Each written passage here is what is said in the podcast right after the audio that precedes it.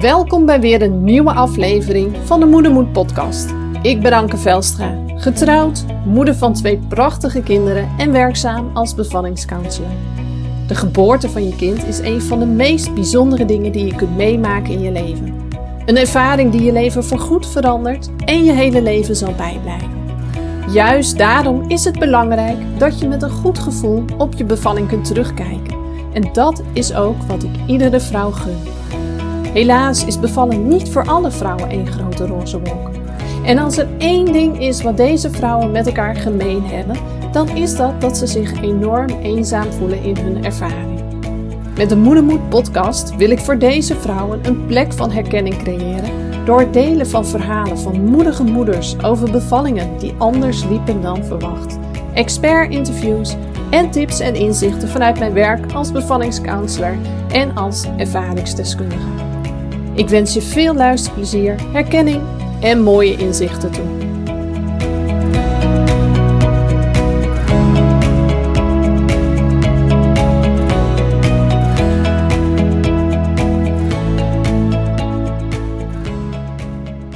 Hoi, wat leuk dat je weer luistert naar een nieuwe Moedermoed podcast. En vandaag in deze podcast ga ik het met je hebben over één vraag die je jezelf altijd zou moeten stellen als je twijfelt over nog een kindje krijgen na een heftige of traumatische bevalling. Maar goed, op die vraag ga ik zo meteen in. Hey, um, ik weet niet of je verschil hoort. Ik weet het eigenlijk nu ook niet als ik deze podcast opneem, dus dat ga ik later terug horen. Maar uh, ik heb iets leuks, ik heb iets nieuws, ik heb een nieuwe gadget. Ik heb een microfoontje gekocht. Want um, op dit moment ben ik in mijn bedrijf uh, best wel veel ontspanningsoefeningen aan het opnemen voor mijn cliënten. En dat deed ik altijd gewoon met de oortjes die bij mijn iPhone zaten. En dat werkte op zich prima. Het geluid was wel, ja, oké. Het was wel helder. Maar toch ergerde ik me altijd aan het, ja, toch een zachte ruis op de achtergrond. Um, en ja, zeker met een ontspanningsoefening kan dat toch net een beetje irriteren, een beetje ja, in de weg zitten als het ware. Dus, um, en daarnaast ben ik natuurlijk vrij regelmatig aan het podcasten. En ook daar merkte ik dat. En met zowel de ontspanningsopnames als de opnames van de podcast, die bewerk ik altijd wel. Dan probeer ik toch het geluid, sorry, zoveel mogelijk te optimaliseren. En toch bleef dat dan net. En ja, nu was ik echt op een punt gekomen dat ik zoiets had van: dit moet anders, ik wil dit anders, ik wil een microfoontje. En nou heb ik een microfoontje. En dit is de eerste opname die ik maak met het microfoontje. Dus ik ben, ben gewoon heel benieuwd straks. Dus ik ga het straks rustig terugluisteren en uh, kijken wat voor verschillen ik hoor. Um, verder was het voor mij uh, wederom best wel een, een drukke en een uh, intensieve week. Want ik heb vorige week meegedaan, of eigenlijk vorig weekend, maar ja, het weekend van 26 september. Dat is misschien beter om te zeggen, want misschien luister jij deze podcast wel uh, weken of maanden later.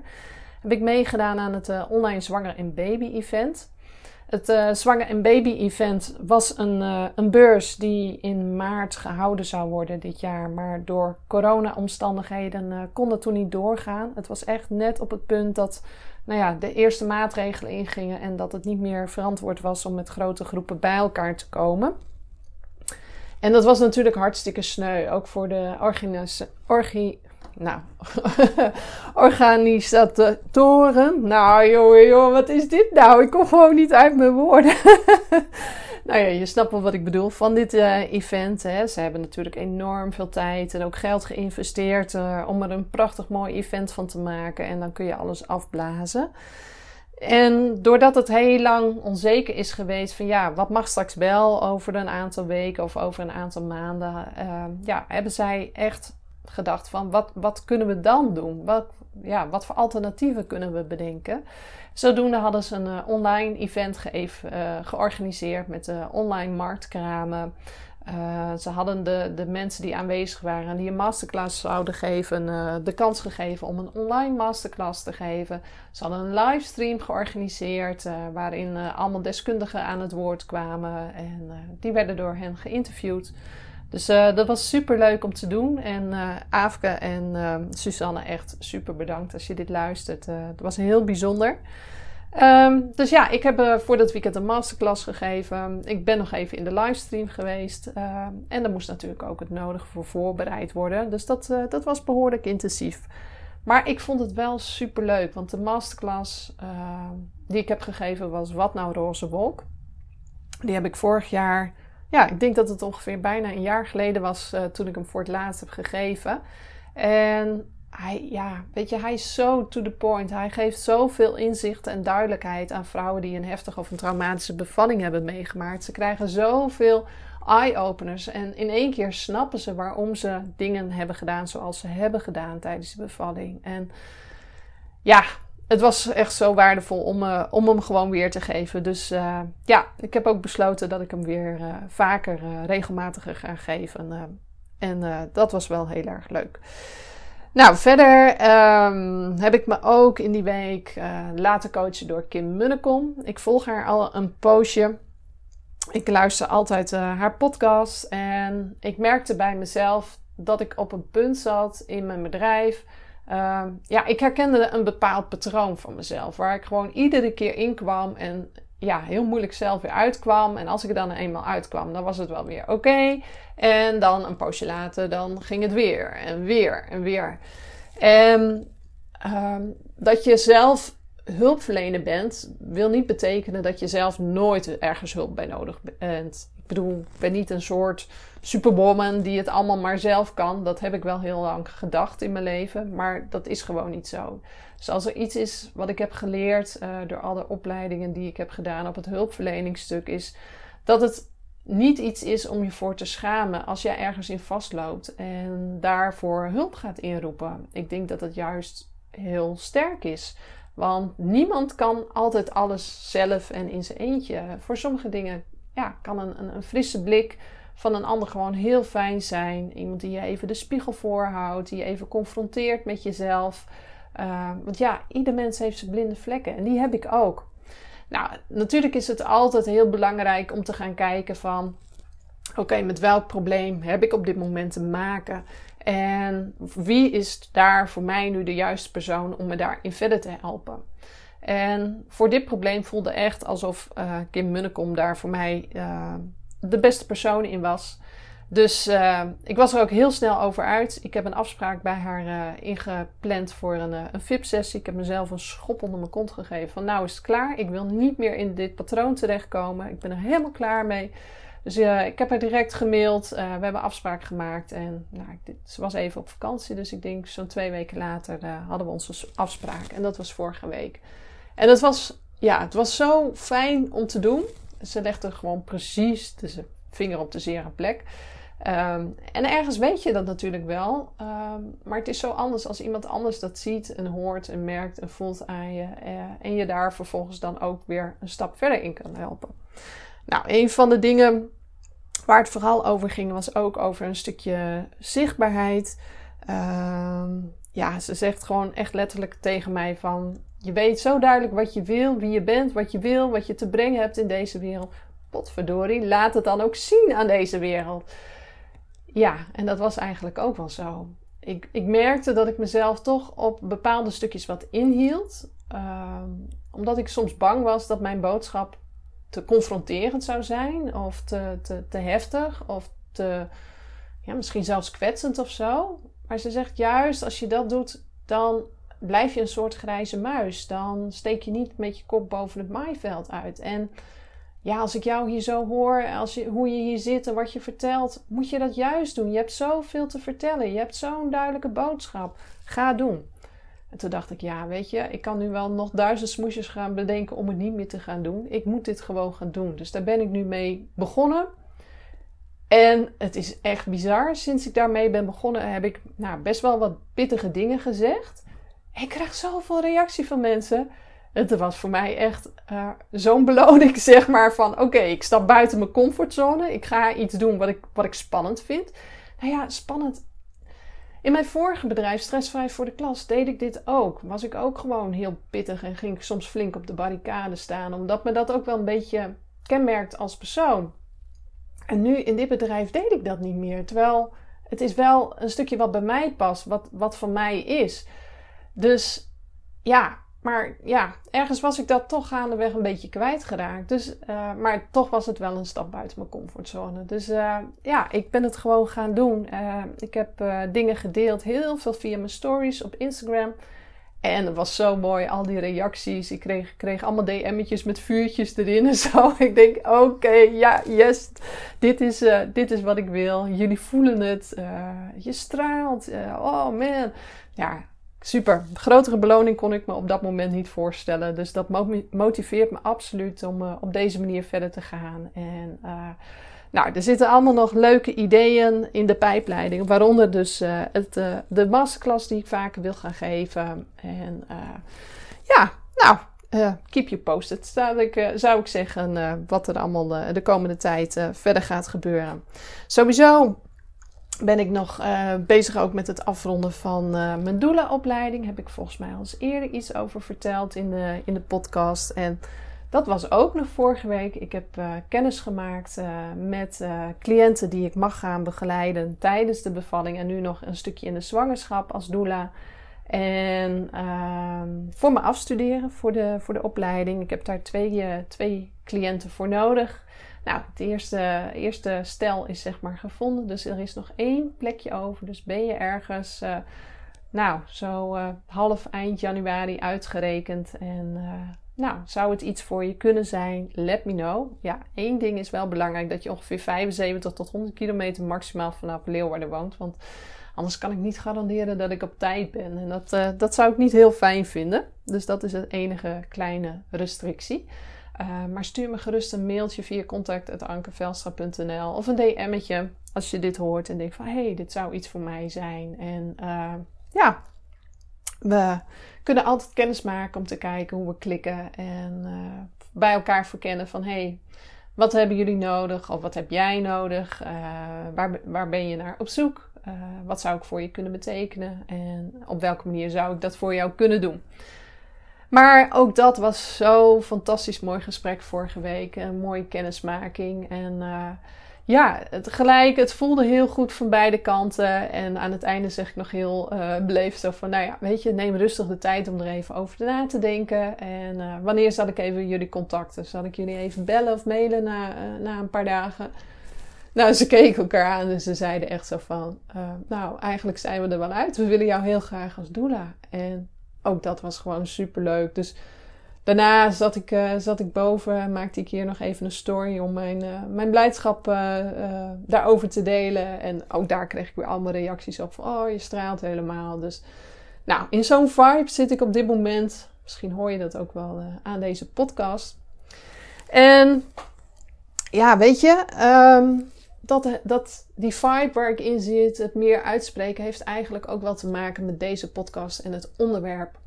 Want um, een van de dingen die ik heel veel doe in mijn werk is uh, vrouwen begeleiden bij het verwerken van hun heftige of traumatische bevalling. Nou, en bijna altijd, zeker bij vrouwen die dit is overkomen bij een eerste kindje, hoor ik altijd ze zeggen van ik weet niet of er nog wel een tweede komt. En dat herken ik zelf ook. Uh, er zit niet voor niks bijna acht jaar leeftijdsverschil tussen mijn beide kinderen. Want als je zo'n ervaring hebt gehad, je hebt je zo hulpeloos, kwetsbaar gevoeld, je hebt zoveel pijn gehad, dan is het zo ontzettend moeilijk om dat allemaal aan de kant te zetten. En zeker als dat nog niet helemaal goed verwerkt is, dat is altijd stap 1. Zorg eerst dat je je bevalling hebt verwerkt voordat je überhaupt je met deze wens gaat bezighouden. Want anders ga je beslissingen maken op basis van trauma, op basis van angst. En angst is nooit een goede raadgever. Die zou je er altijd van afpraten om het te doen. En dat maakt dan ook dat je iedere keer zo twijfelt. Dus zorg altijd eerst dat je je bevalling hebt verwerkt. Want als dat niet zo is, het komt gegarandeerd terug. Um, nou ja, goed.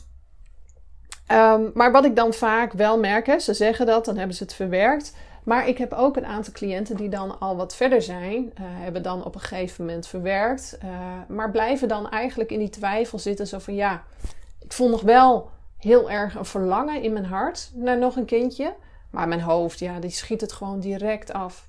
En ook dat herken ik zo, want um, toen ik uh, in 2014 startte met het verwerken van mijn bevalling. Um, en in 2000, begin 2015 was ik klaar.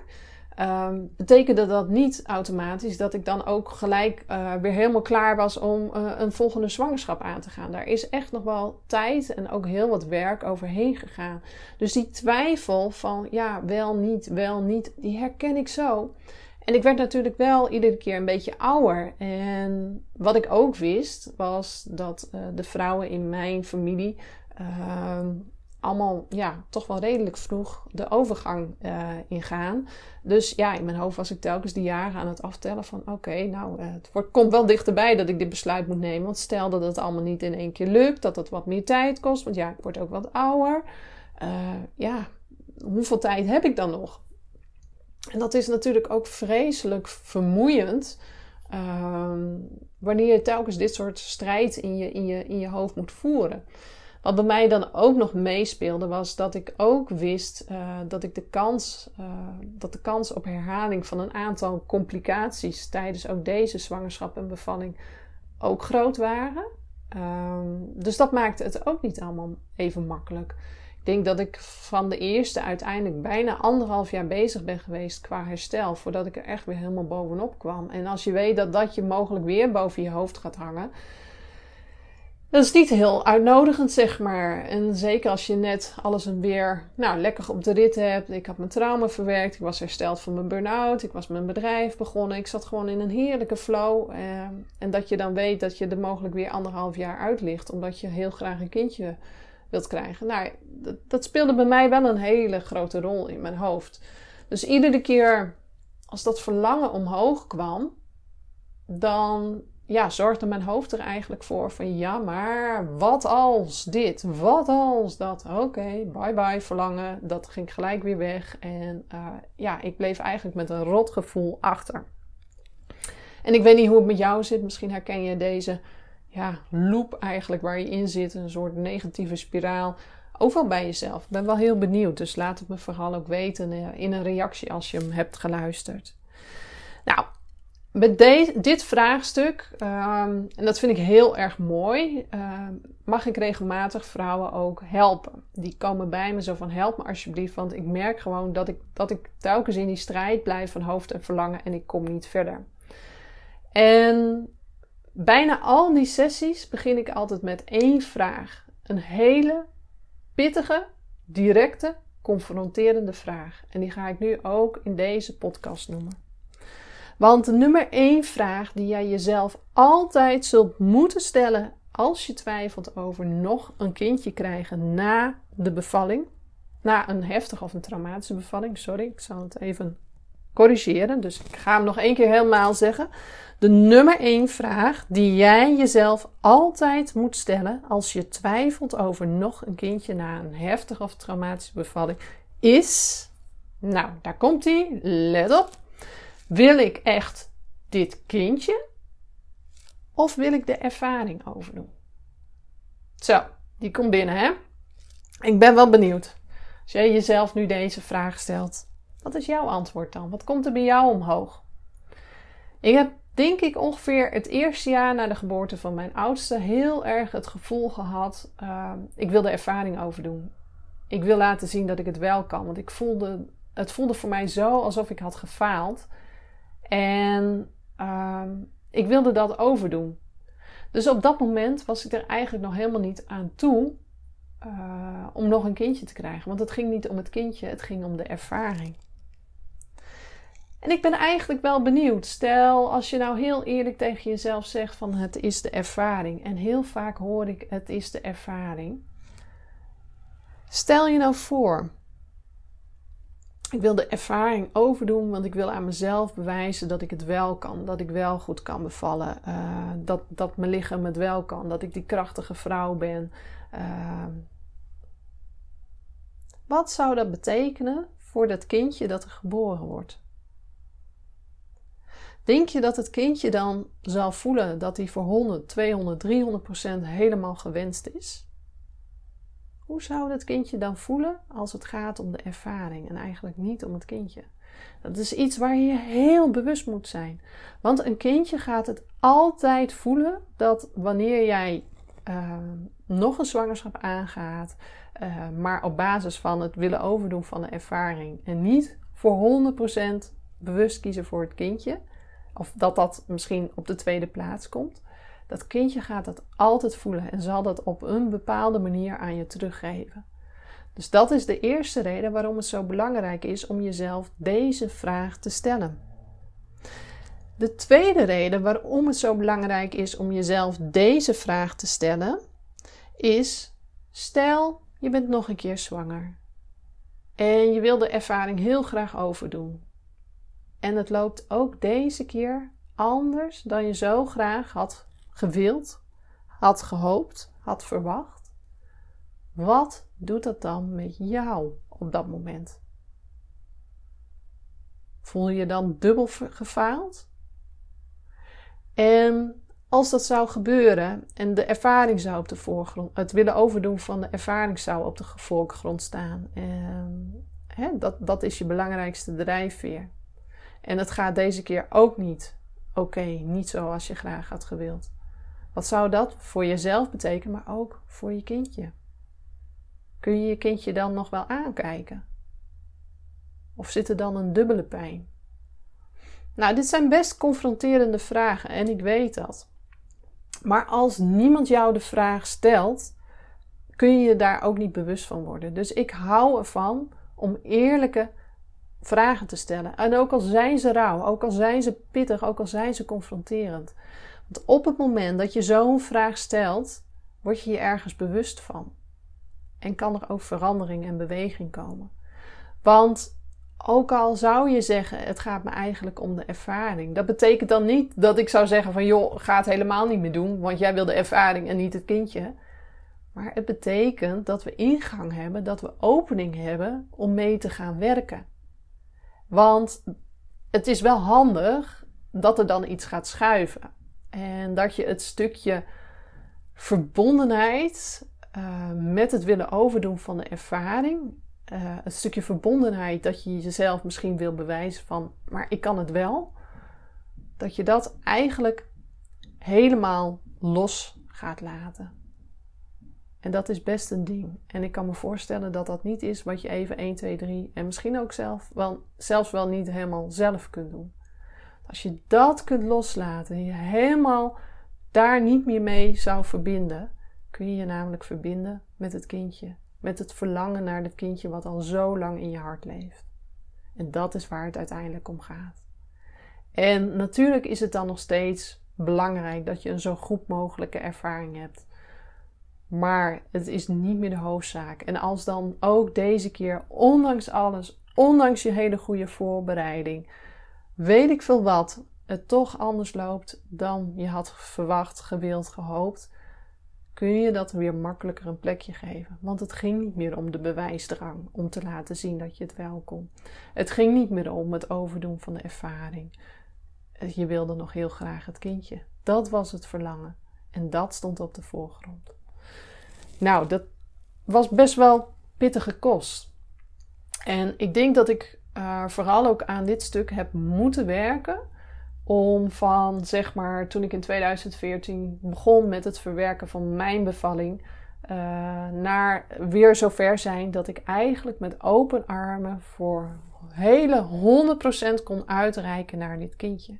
En dat is met hobbels en bobbels ook gegaan met mij. Want ik weet nog wel dat ik, ja, misschien vind je het heel zweverig en spiritueel en kun je er gewoon helemaal niks mee. Uh, weet dat ik soms een, een, een, klein zweverig vleugje heb, uh, maar tegelijkertijd ook heel down to earth ben. Echt wel met beide voeten op de grond sta.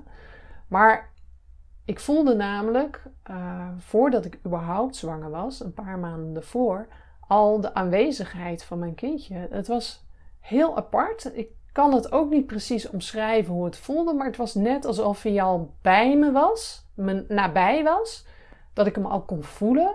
En dat ik, ik kon ook helemaal voelen wat voor soort kindje dit zou zijn. Ik kon dat helemaal beschrijven al. Heel, heel bijzonder vond ik dat. En ik voelde dat. En ik voelde mijn verlangen ook met de dag groeien. En ik zou ook heel graag zou ik willen zeggen: Ja, kom maar, ik ben er klaar voor. Ik, ik wil je ontvangen. En toch kon ik het niet. Ik kon de stap niet zetten. En ik had al heel veel stappen gezet hoor. Want ik had in die periode ook een aantal gesprekken gehad met de gynaecoloog. Ehm, dat noemen ze zogenaamde preconceptionele gesprekken. Om alles wat er lag uh, op tafel te leggen. Ook de kansen die ik had op herhaling van complicaties. En om samen te kijken, om een plan ook te maken. Wat mij vertrouwen zou geven om het nog een keer aan te durven. En die gesprekken hadden we gehad. En dat voelde goed. Ik trof echt de juiste persoon op de juiste plek op de juiste tijd. Het had niet beter kunnen zijn. En toch merkte ik dat ik de stap niet kon zetten. En op dat moment deed ik uh, nog een van mijn opleidingen systemisch werken. En ik, wa, ik, ik zat daar, we hadden opleidingsdagen. Ik zei: Ik heb een vraag soms was er ook ruimte om met eigen vraagstukken te werken. Ik zei, ik heb een vraag, wil ik heel graag rondom werken, rondom opstellen. Nou, dat kon, dat was goed. Dus we hebben mijn vraag opgesteld van waarom is het verlangen zo ontzettend sterk? Weet ik dat ik dit kindje wil? Weet ik dat ik nog een keer zwanger wil worden? Ik, ik voel het helemaal tot, aan, tot in mijn tenen. En toch kan ik de stap niet zetten. We gingen het opstellen en het werd eigenlijk werd het al heel snel zichtbaar.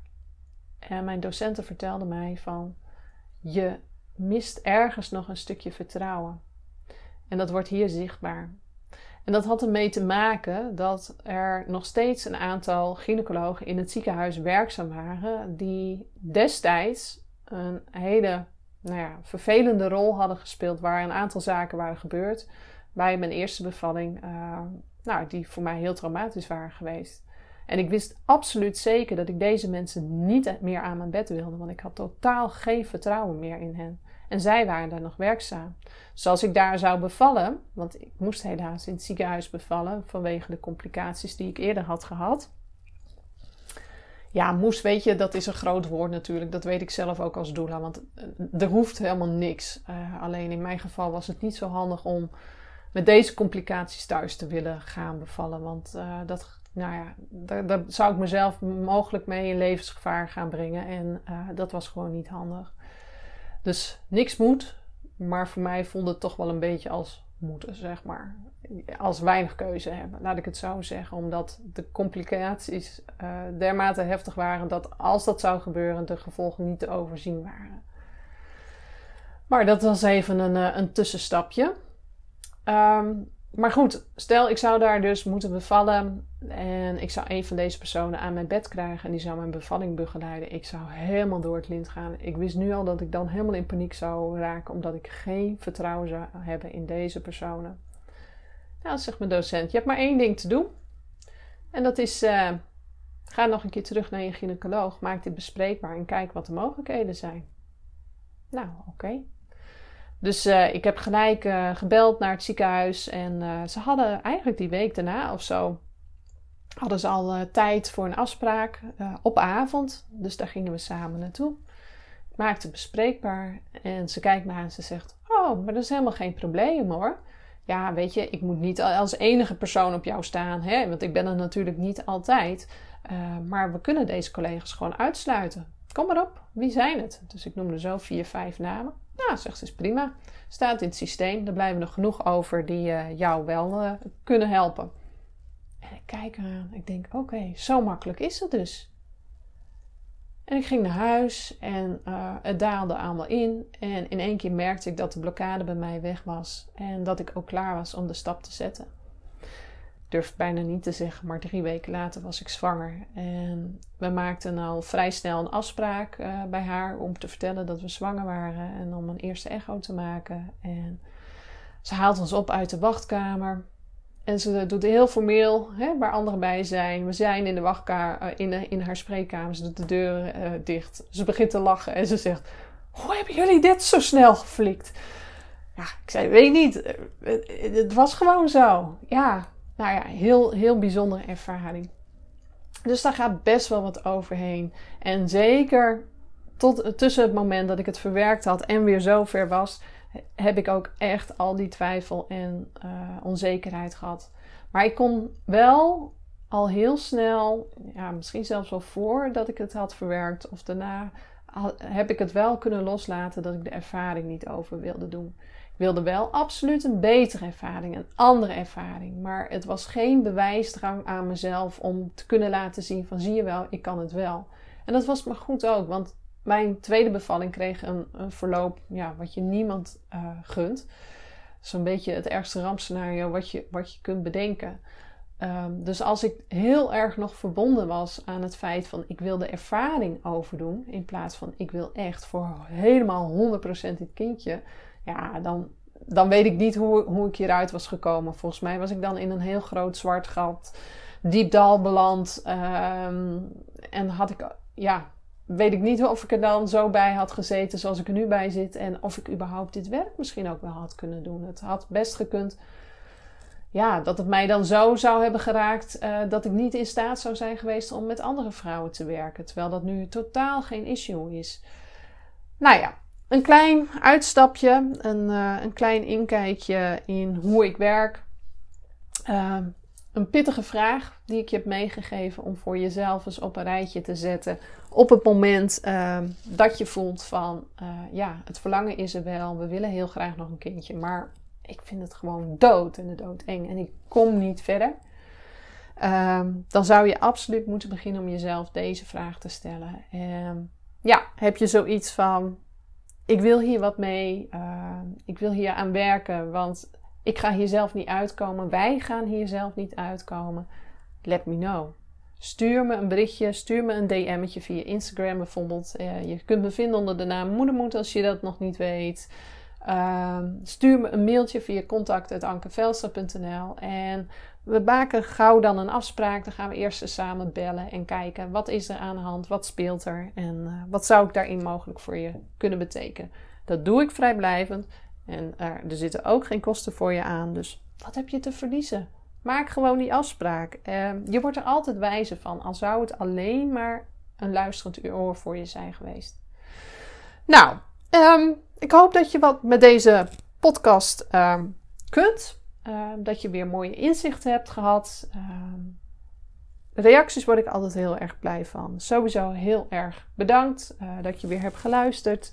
En heel graag tot een volgende podcast.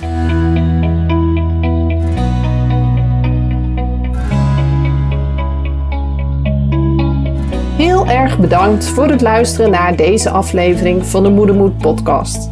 Vond je deze aflevering interessant en waardevol? Maak van deze podcast dan geen goed bewaard geheim. Bijvoorbeeld door een screenshot te delen via social media of stories en mij daarin te taggen, of door een review achter te laten op Apple Podcasts. Daardoor wordt de Moedermoed podcast nog beter gevonden en kan ik zoveel meer vrouwen bereiken en ondersteunen die zich nu eenzaam voelen in hun bevalervaring. Dankjewel alvast en heel graag tot de volgende podcast.